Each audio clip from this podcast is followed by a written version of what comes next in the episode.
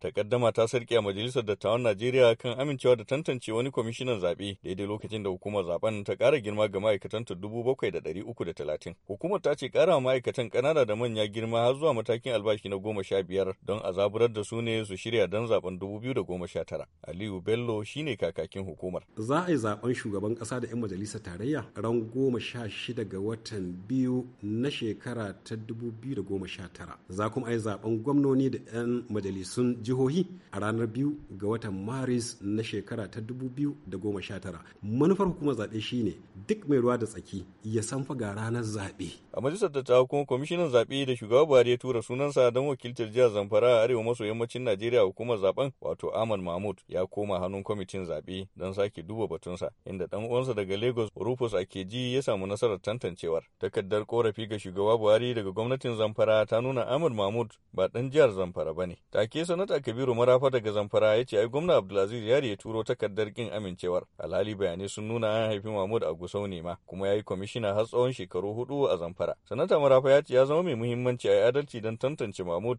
Yana mai cewa ai gwamna yari ne ma ba dan asalin jihar zamfara ba. Da karawa da cewa majalisar dattawa ba za ta zama yar amshin shatan gwamnan ba. Kakakin apc mai mulki a jihar zamfara sani gwamna ya bugo waya inda ya yi watsi da bayanan na marafa. Ba asalin dan jihar zamfara ba ne ko da dan jihar zamfara ne bai yi wannan jam'iyya ba yadda jam'iyya za ta iya ba da sunan shi a matsayin wanda zai wakilci wannan jiha. Wani abu ne wanda ke ci ne ga rayuwa ta wanda yake kuma ba zai iya maganin shi ba da waɗannan maganganu. Amma lokaci zai yi da zai gano cewa gwamna ɗan jihar zamfara ne. Mutumin da yanzu yana ƙoƙarin cika shekara takwas yana mulkin jihar zamfara wani ya buɗe baki ya ce ba ɗan jihar zamfara ba ne. Kaga ai wani abu ne can a cikin zuciyar shi. Lokaci zai yi gwamna zai nuna mai cewa shi ɗan jihar zamfara ne in Allah ya yarda. Aji Sani da shi sanata Kabiru Marafa da gwamna Abdulaziz Yari duk yan jam'iyyar APC ne mai mulki a tarayya.